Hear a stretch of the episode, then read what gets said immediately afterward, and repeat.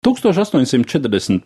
gadā Saksijas galvaspilsētā Dresdenē atklāja jaunu opernamu. Jaunā formā tika ietverts arī jauns saturs.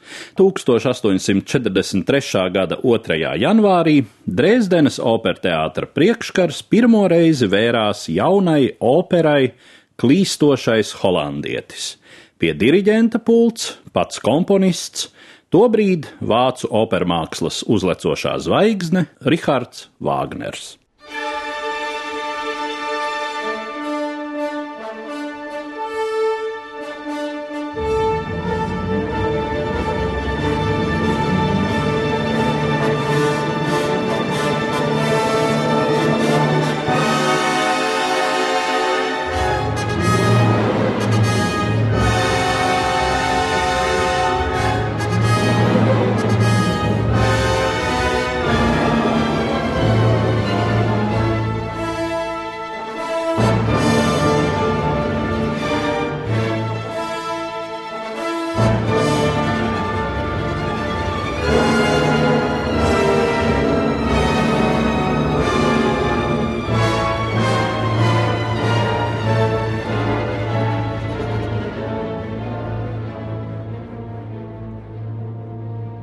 Vēlāko laiku mūzikas vēsturnieku skatījumā šim notikumam bija izšķiroša nozīme. Klīstošais holandietis apliecināja Riharda Vāgnera radošo briedumu un iezīmēja pavērsienu pretī tam oriģinālajam, tikai un vienīgi Vāgneriskajam operas radīšanas principam, kas licis viņam piešķirt īpašu vietu visu laiku operas komponistu vidū.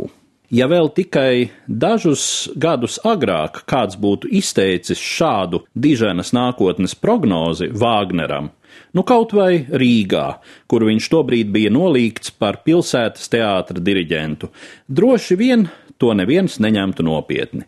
Toreizējā Krievijas vidzemes guberņas galvaspilsētā jaunais diriģents pirmām kārtām bija izpelnījies neusticama debitora reputāciju un galu galā bija spiests pilsētu pamest nelegāli. Vāgneru laulātais pāris izbrauca it kā tikai uz kaimiņu kurzemes guberņu.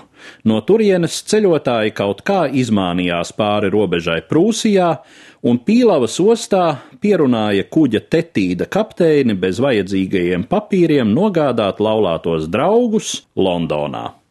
Ziemeļjūrā tetīdu pārsteidza vētra, kuģis meklēja patvērumu Norvēģijas fjordos, un tas izrādījās ļoti vērtīgs notikums pasaules mūzikas vēsturei.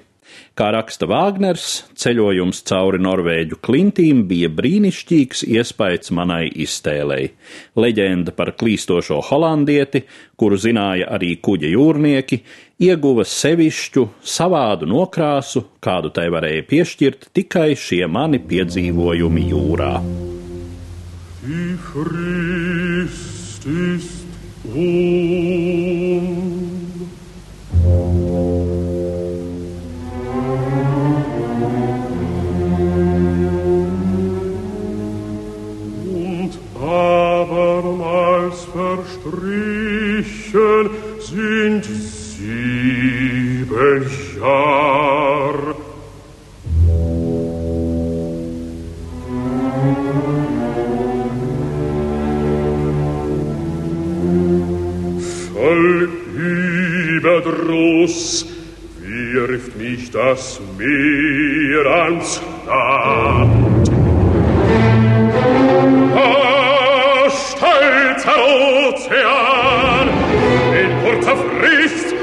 al fumi divino Thron.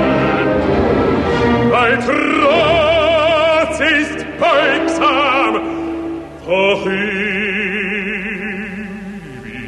meine Qual. Leģendai par kapteini, kuram lemts kuģot līdz pastarās tiesas dienai, ir sena vēsture. Jau viduslaikos sastopams stāsts par kapteini Falkenburgu, kuram tā jāklīst pa Ziemeļjūru, jo kauliņu spēlēt tas paspēlējis vēlnam savu dvēseli. 1826. gadā klīstošais holandietis iezēģelēja profesionālās literatūras ūdeņos, kad angļu dramaturgs Eduards Fitzbols sarakstīja melodrāmu Klīstošais holandietis. Šo skatuves darbu Londonā vērojis vācu dzēnieks Henriks Heine un piesaucis savā satīriskajā romānā Von Šnablevopska kunga memoāri, grāmatā, kas jau Rīgas periodā nonākusi Riharda Vāgnera rokās. Vāgners traktē sižetu par klīstošo holandieti tā simboliskajā, arhetipiskajā līmenī, viņš pats par šo leģendu raksta tā.